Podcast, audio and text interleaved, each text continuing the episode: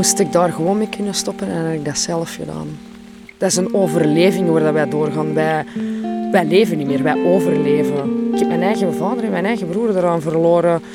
Weet je, ehm, het, is niet het is niet makkelijk om daar zomaar mee te stoppen. Mijn geld begon op te geraken. Ik begon meer en meer vrienden te verliezen omwille van mijn gedrag. Mijn familie was natuurlijk ook heel machteloos ten opzichte van mij. Had geen job meer op mijn 24ste, uh, eh, geen vriendin meer. En eigenlijk uh, was er alleen nog maar het gokken in mijn leven.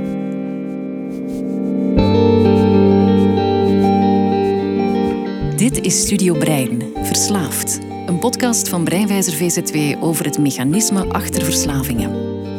Hoe kan het dat sommige middelen of gedragingen ons brein overnemen? En kunnen we slimmer worden dan wat ons verslaafd maakt? Ik ben audiomaker Eva Droogmans en ik zoek het uit, samen met psychiater en verslavingsexpert Geert Dom en een gast.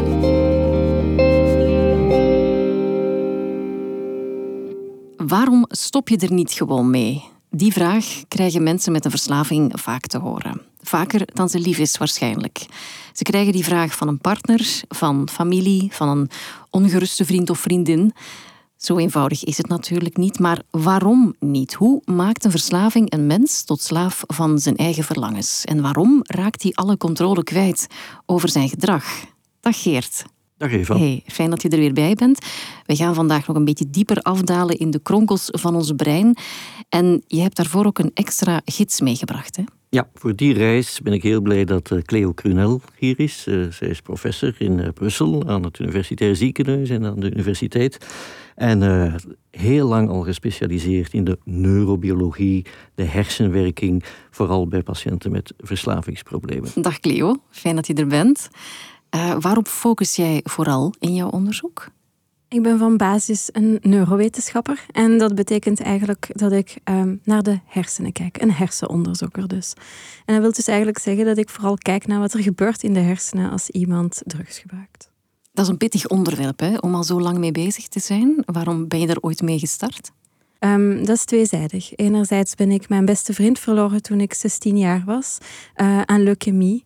Uh, dat heeft mij aangezet om de geneeskunde te gaan studeren. Mm Anderzijds heb ik een aantal vrienden die drugs gebruikten, veel experimenteergedrag. Bepaalde werden verslaafd, anderen niet. En ik vond dat heel fascinerend. Ik uh, heb eigenlijk altijd willen begrijpen waarom de ene wel en de andere niet. En dus ik heb mij op toegespitst om beter te gaan begrijpen wat er eigenlijk gebeurt in dat proces. Ja, dus je bent op zoek gegaan naar eh, antwoorden. Wij doen dat eigenlijk ook hè, in deze tweede aflevering. Deze aflevering heet Is dit mijn eigen schuld? En dat was ook lang de manier waarop er naar verslaving gekeken werd. En ik denk dat dat een opvatting is die vandaag nog altijd leeft. Dat verslaving een kwestie is van individuele zwakte. Uh, Geert, waarom denk je, is die opvatting zo hardnekkig? Ik denk dat er veel factoren voor zijn, maar de belangrijkste vaststelling is dat dat al heel, heel lang zo is. Uh, dat er de laatste tientallen jaren gelukkig veel verandering in gekomen is.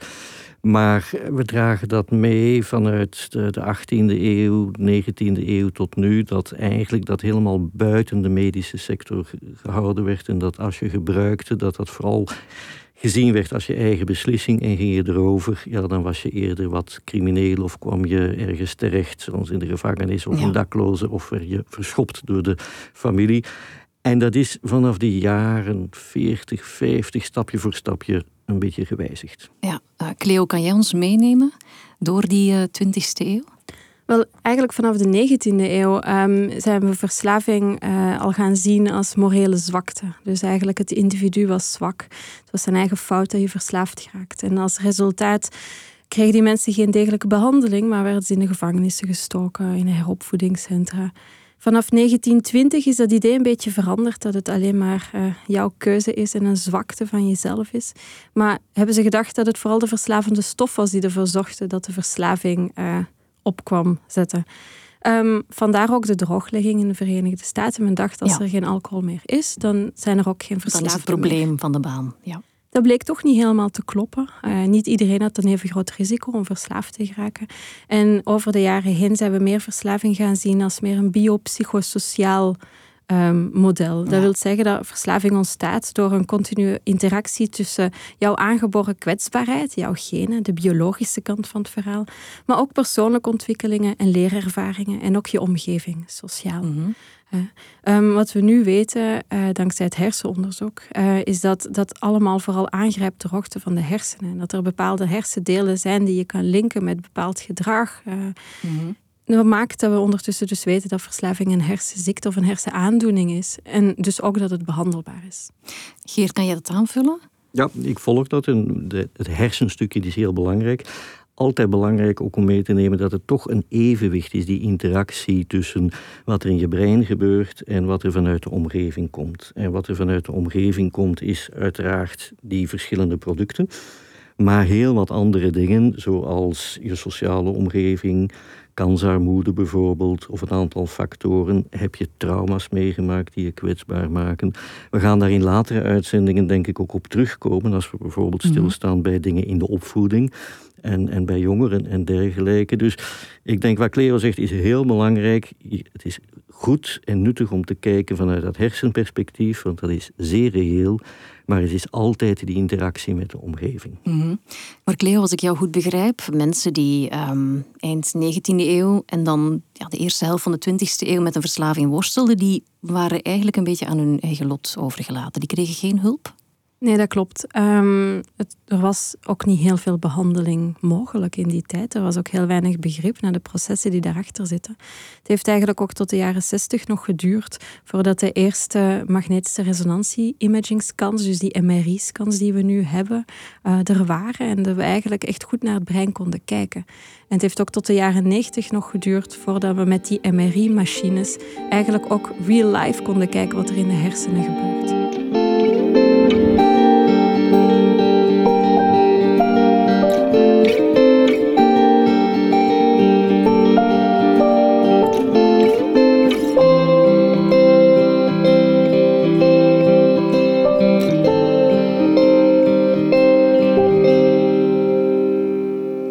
Uit ons vorige gesprek heb ik onthouden dat ook een eerste jointje of een eerste glas alcohol een impact hebben op je hersenen. Wat dan precies?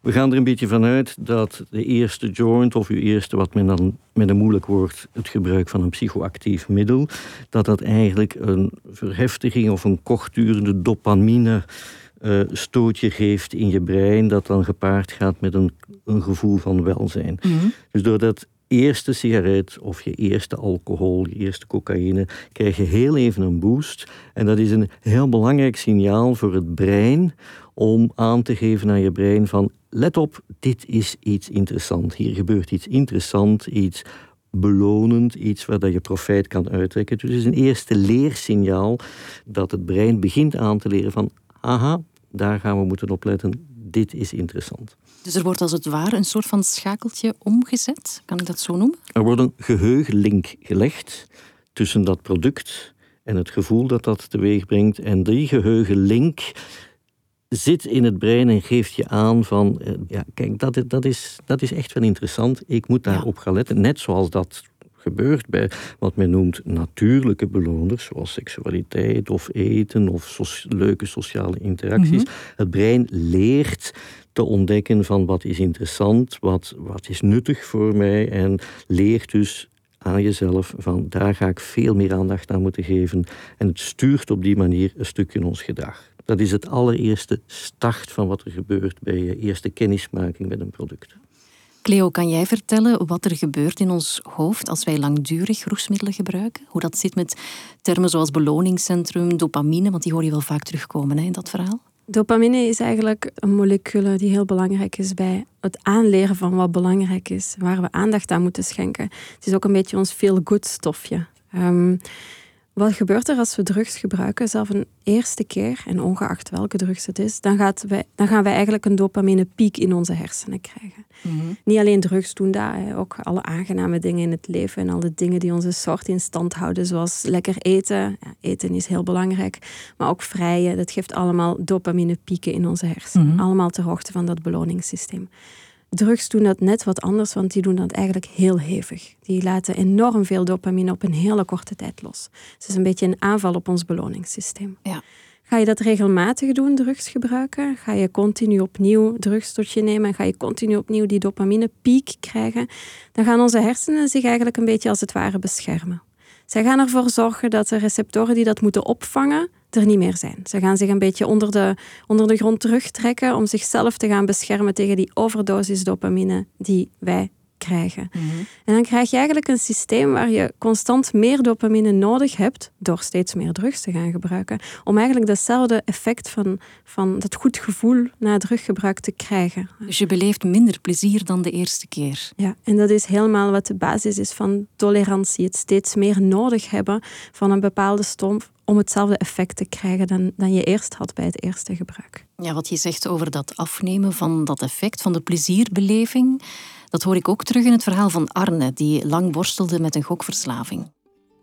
Ik herken mijn eigen gedrag natuurlijk ook wel en hoe mijn uh, beloningssysteem op een bepaald moment heel uh, ontregeld is geweest, waardoor ik eigenlijk niet meer kon genieten van een wandeling in de natuur of uh, een familiefeest. Dat waren allemaal dingen waar ik geen geluk of vreugde uit kon halen, doordat ik zo in die roes zat van het gokken en alleen daar maar mijn dopamine uit kon halen. Uh, dat heeft voor mij wel een bepaalde verklaring gegeven waarom het bij mij ook zo ver is gekomen. En dat heeft mij ook wel geholpen in uh, de stap te zetten naar herstel en ook uh, het in een breder kader te zien en niet alleen als mijn falen te zien.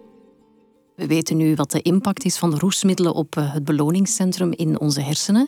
Geert, dat centrum, is dat een fysieke plek? Kan je dat zien op een scan? We hebben daar wel een idee over waar dat, dat ligt. Nu, de eerlijkheid gebiedt dat in de ontwikkeling van de hersenwetenschappen, de neurowetenschappen, we stap voor stap aan het afstappen zijn van het idee van er is een specifiek locatie in het brein en die is gekoppeld aan bepaalde functies. We zien meer en meer dat het gaat over wat men noemt circuits, verschillende delen in het brein die met elkaar communiceren. En zo hebben we ook een beloningscircuit. En we weten dat bijvoorbeeld dopamine daar een erg belangrijke neurotransmitter is in dat gebied. Dus in dat beloningscircuit communiceren die systemen met elkaar om dat beloningseffect te geven.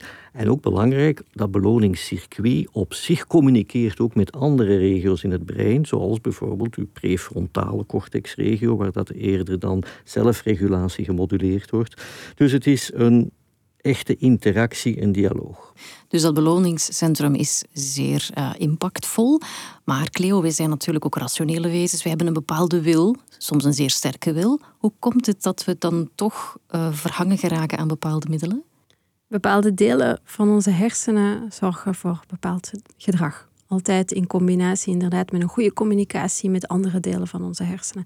En voor dat beloningscircuit waar Geert het over heeft, zijn twee delen heel belangrijk. We hebben een heel diep deel, een, uh, een deel diep binnen onze hersenen, dat ervoor zorgt dat we eigenlijk aangedreven worden om snel beloningen te willen verkrijgen. Uh, dat moet snel, dat moet nu en dat moet zo heftig mogelijk zijn. Maar dat ervaar ik als ik uh, aan impuls shoppen doe, denk ik, op het internet. Zoiets? Absoluut. Maar daarnaast heb jij ook een heel goed ontwikkeld voorste deel van je hersenen, die ervoor zorgt dat je creditcard niet leeg is op het einde van de mhm. maand en die op tijd zegt van, goh, als ik dit doe, dan heb ik binnen twee weken geen geld meer. Dat gaan we niet doen. Dus je hebt eigenlijk een hele goede rem. En ik vergelijk verslaving met een raceauto, waar dat je een heel actief gaspedaal hebt en een niet zo goede rem wat maakt dat je in een vicieuze cirkel terechtkomt. En daar loopt het mis. Uh, bij patiënten met een verslavingsproblematiek, dat zien we op hersenscans, die gas is veel te actief, die is constant ingedrukt en die rem is niet sterk genoeg om dat gaspedaal tegen te werken. En zo loopt het eigenlijk mis. Ja. Die, die hunkering om steeds meer te gebruiken is ook erg lastig om mee om te gaan of om komaf mee te maken die hunkering wordt groter en groter. En ook bij Stefanie was dat zo. Zij had een eh, alcohol- en cocaïneverslaving. Ik moet zeggen, die roos in het begin was voor mij, eh, of precies, of kreeg superkrachten. Ik kon praten, ik kon er staan. Hier was Stefanie. En als ik dat niet deed, dan ja, ik was te verlegen om mensen aan te spreken. Ik was te verlegen om iets te doen. Ik kan me eigenlijk nog heel goed herinneren dat ik op mijn 12 jaar zelfs de rekening niet durfde vragen in het restaurant als de zwemmen aan mij vroeg. Dus mijn roes gaf mij een zelfzeker gevoel. Dat was precies dat, ja, helemaal op aarde. Ik kon ook op dansen kon meer drinken, dus dat was, ik kon er staan. Ik was er ook.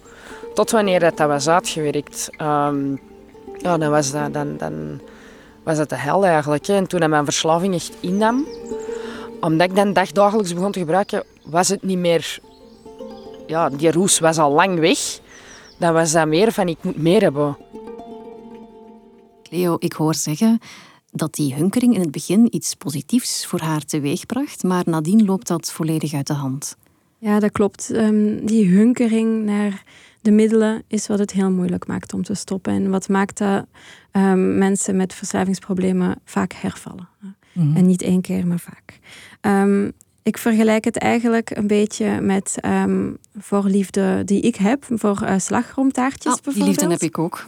Die ken ik. Nu, als ik voorbij een terras loop en er is iemand een slagroomtaartje aan het eten, dan heb ik dat wel gezien. Mijn partner heeft dat niet gezien, want die heeft, zijn hersenen hebben niet aangeleerd dat dat iets is waar jij aandacht aan moet schenken. En die dingen gebeuren niet altijd bewust, die gebeuren ook onbewust. Ik zal het gezien hebben, mijn partner zal het niet gezien hebben. Ja. Mijn hersenen hebben geleerd dat het belangrijk is om genoeg aandacht aan suikers te geven. Mm Ja, en voordat je het weet, zit je dan gevangen in die visieuze cirkel, waarin je steeds meer moet gaan gebruiken om ook nog effect te voelen. Dat vertelt ook Arne. Ja, uiteindelijk was het uh, constant het nastreven van een bepaalde kick. Want wanneer één uh, weddenschap afgesloten was, dan was het alweer snel zoeken naar de volgende weddenschap die voorhanden lag. En eigenlijk spreek ik over de volgende uh, shot, om het zo te zeggen. Hè. De volgende kick- en adrenalinestoot. En uiteindelijk, uh, die rush was eigenlijk iets wat ik tijdens mijn voetbalperiode naast het voetbalveld. Want tijdens het voetbal kreeg ik ook een bepaalde kick en een bepaalde rush.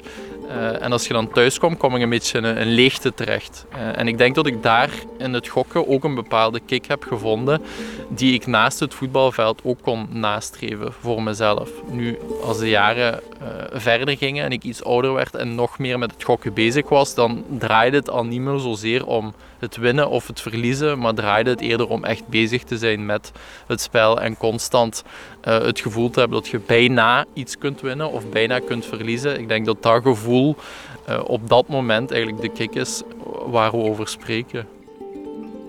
Arne gebruikte geen roesmiddelen, maar was wel verslaafd aan een bepaald type gedrag. Geert, werkt dat op dezelfde manier in ons brein? Ja, we zien zeker de laatste 15 jaar dat uh, zogenaamde gedragsverslavingen zien we dezelfde processen als je breinonderzoek gaat doen die we terugvinden bij breinonderzoek bij patiënten met chemische verslavingen. En Arne vertelt het eigenlijk heel parallel. Hij zou hetzelfde bijna identiek over cocaïne kunnen vertellen. Hij vertelt over gokken, de, de enorme kick van, van, van, van te winnen. Mhm.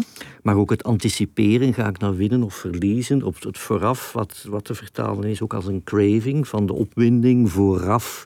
Uh, aan, aan, het gokken. Uh, dus het is heel vergelijkbaar wat we zien, ook vanuit de neurowetenschappen bij die blik. Gedragsverslavingen zoals gokken, intens gamen, uh, zitten allemaal een beetje in dezelfde richting. Ja. Nu, Arne en Stefanie en hun lotgenoten vechten tegen zichzelf, maar eigenlijk ook tegen de triggers in hun omgeving, hè, die hen blijven aanzetten om te blijven gebruiken. En ze vertellen zelf hoe moeilijk het is om die te negeren. Ik denk dat eerlijk gezegd heel mijn omgeving een trigger was. Als ik niet had gebruikt, moest nog maar voorbij een plaats rijden waar ik al eens een dealer heb ontmoet of weet ik wat, dan triggerde dat al.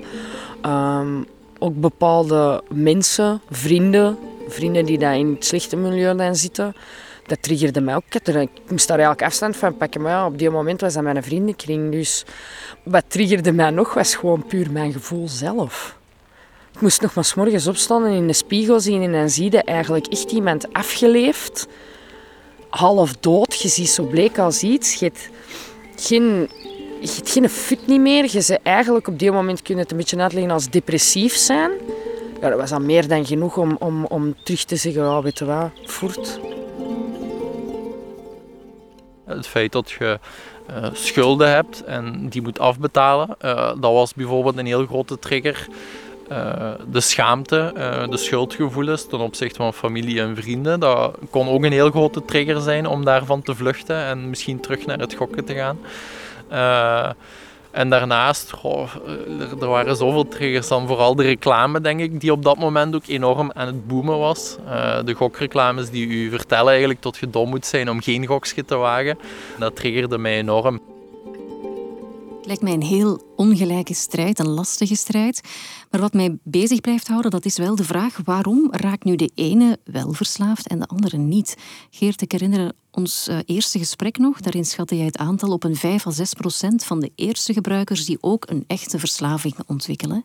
Waarom zij wel en de grote hoop niet? Ja, ik heb toen die, die cijfers vermeld en dat is inderdaad een schatting belangrijk om mee te nemen dat dat verschilt ook bijvoorbeeld van, van product tot product. En daar is al een eerste differentiatie. Er zijn producten die veel gemakkelijker tot verslaving gaan leiden dan anderen. En daarnaast zijn er heel wat factoren die, die bepalen of jij gaat doorgroeien naar verslaving, naar gebruik of net niet. Grof opgesplitst, denk ik, omgevingsfactoren. In welke cultuur ben je opgegroeid? In welke omgeving ben je opgegroeid? Uh, heb je trauma's meegemaakt of niet? Heeft je dat emotioneel kwetsbaar gemaakt of niet? Omgevingsfactoren die een grote impact en verschil kunnen maken. En daarnaast een heleboel neurobiologische factoren die onder andere met erfelijkheid gelinkt zijn. Mhm. Er is inderdaad een belangrijke biologische kwetsbaarheid. Hè. We weten dat bij de verschillende middelen ongeveer 50% van de oorzaak genetisch is. Dat is uh, een groot aandeel. Ja. Maar daarnaast inderdaad zijn die omgevingsfactoren, bijvoorbeeld experimenteren met drugs, ook heel erg belangrijk. Uh, ook leeftijd speelt een grote rol, denk ik. En dat link ik dan ook weer met, deels met de hersenen. Um, als je op een jonge leeftijd uh, drugs gaat gebruiken, dan heb je natuurlijk om, op latere leeftijd uh, meer kans om meer chronische, meer erge problematiek te hebben met drugs dan als je later in je leven gaat gebruiken. Um, ook dat kan je uitleggen aan, aan de ontwikkeling van je hersenen. Want we denken allemaal dat onze hersenen zich ontwikkelen tot we 18 zijn, dan zijn we volwassen en dan is het wel goed, maar dat is niet zo. Vooral de voorste delen van onze hersenen die eigenlijk zorgen voor het feit dat we de zaken ten opzichte van elkaar kunnen afwegen van wat is goed voor ons op lange termijn en, en jouw impulscontrole, dat zijn allemaal die voorste hersenen en die ontwikkelen makkelijk tot 25, 26 jaar leeftijd. Als je op dat moment eigenlijk drugs gaat gebruiken, dan, dan speel je met de ontwikkeling je van je eigenlijk je eigen ontwikkeling. Klopt.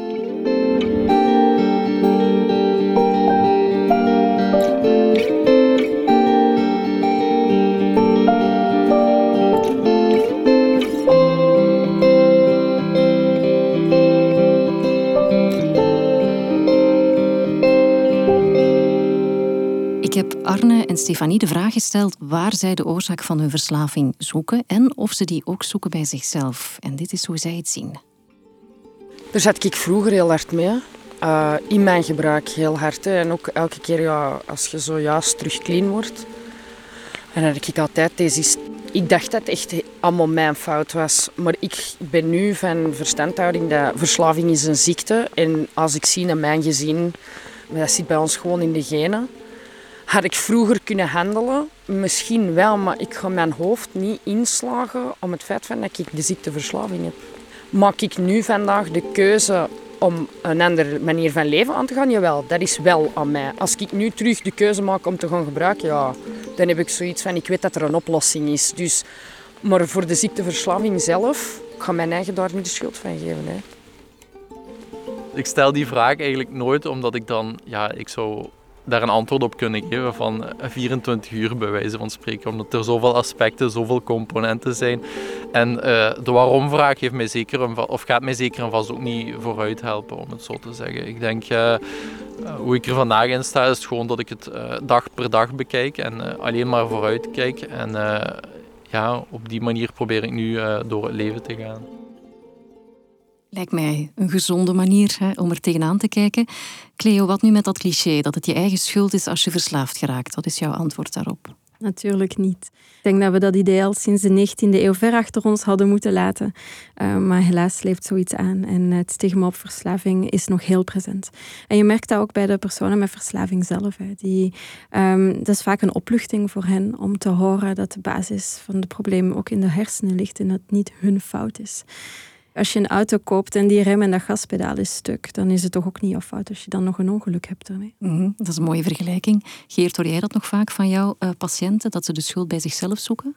Ik hoor het soms nog, en dat is zeer te betreuren. En dat zie je niet alleen bij verslaving.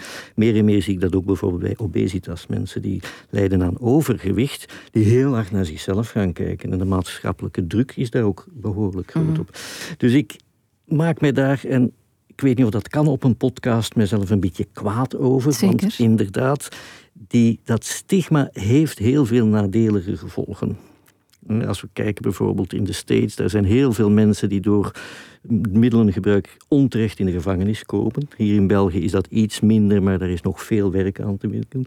Als ik kijk hoe verzekeringsmaatschappijen kijken naar patiënten die toch willen behandeld worden in een ziekenhuis voor verslaving en dat niet terugbetaald wordt door hospitalisatieverzekering, word ik erg boos, want dat is puur stigma.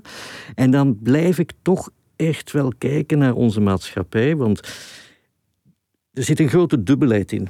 Enerzijds zit onze maatschappij vol triggers, en we hebben het daar straks over triggers gehad, die je aanzetten tot gebruik. Als ik kijk naar Arne en ik kijk naar wat er gebeurt tijdens de voetbalkampioenschappen, het Europees of mhm. whatever, dan zie je gokproblemen, gokgedrag stijgen, maar je ziet ook enorme reclame stijgen. Dus het aantal triggers dat aangeboden wordt is enorm. Dus enerzijds zitten we in een maatschappij die heel veel triggers aanbiedt daar ook veel geld aan verdient, heel veel geld aan verdient, want aan gokken wordt veel geld verdiend door onze Belgische staat en andere, alcohol en dergelijke. En, en aan de andere kant, als het je uit je hand loopt, dan krijg je mhm. soms die, die stok voor je deur, ja, maar nu is het je eigen schuld. Klopt, ja. Ik vind dat we daar extreem dubbel mee bezig zijn. Cleo, hoe ver staan we eigenlijk met het onderzoek naar verslaving? Zijn er uh, nog veel vragen onbeantwoord? Er zijn nog heel veel vragen onbeantwoord, maar er zijn ook steeds meer en meer beantwoord. Ja. We weten ondertussen steeds meer over verslaving, over de kwetsbaarheden, maar ook over het proces van verslaving zelf. Uh, daar volgt dat we eigenlijk inderdaad ook steeds meer behandelopties tot onze beschikking krijgen. Dat is niet voor alle middelen um, even zo. Voor alcohol mhm. zijn er een aantal behandelingen. Uh, voor cannabis is dat er bijvoorbeeld helemaal niet.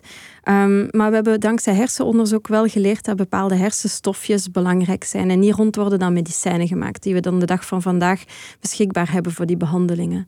En het gaat ook verder als dat. Begrijpen wat er gebeurt in de hersenen bij verslaving heeft er eigenlijk ook voor gezorgd dat we nu ook nog andere behandeltechnieken naast psychotherapie, farmacotherapie, dus medicijnen hebben, namelijk neurostimulatie. Op de VUB bijvoorbeeld um, proberen we ook een aantal verslavingen te behandelen met neurostimulatie. Dat zijn electrowaves uh, of shocks, zoals vroeger niet, veronderstel ik. Hè? Veel lichter als vroeger. Uh, het is wat we noemen gelijkstroomstimulatie. De patiënt is wakker en krijgt uh, een hele kleine milliamperage op die voorste hersenen, dus langs de buis. De patiënt is gewoon wakker. Dat voelt als een tinteling op je hoofd, meer niet. En dat versterkt eigenlijk een beetje die impulscontrole. -huh.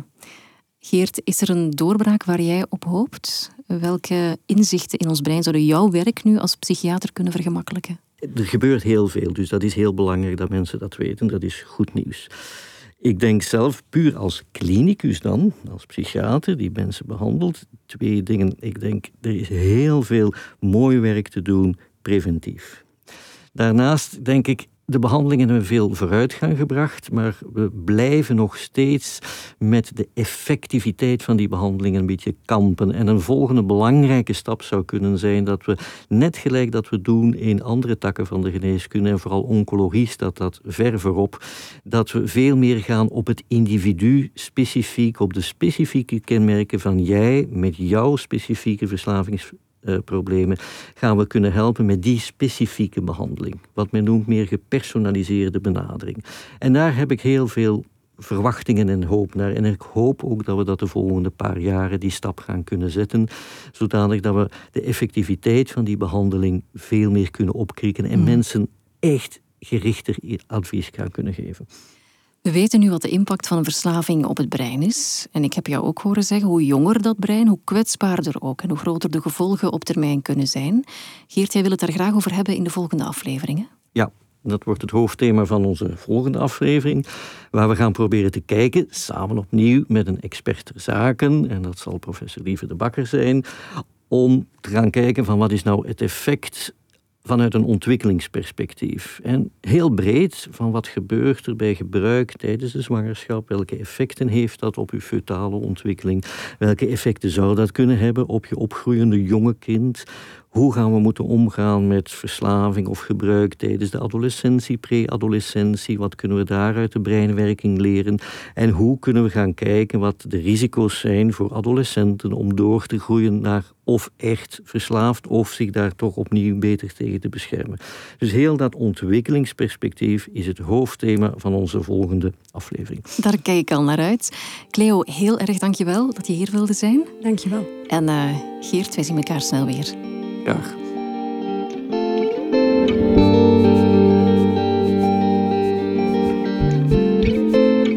Dit was de tweede aflevering van Studio Brein, Verslaafd.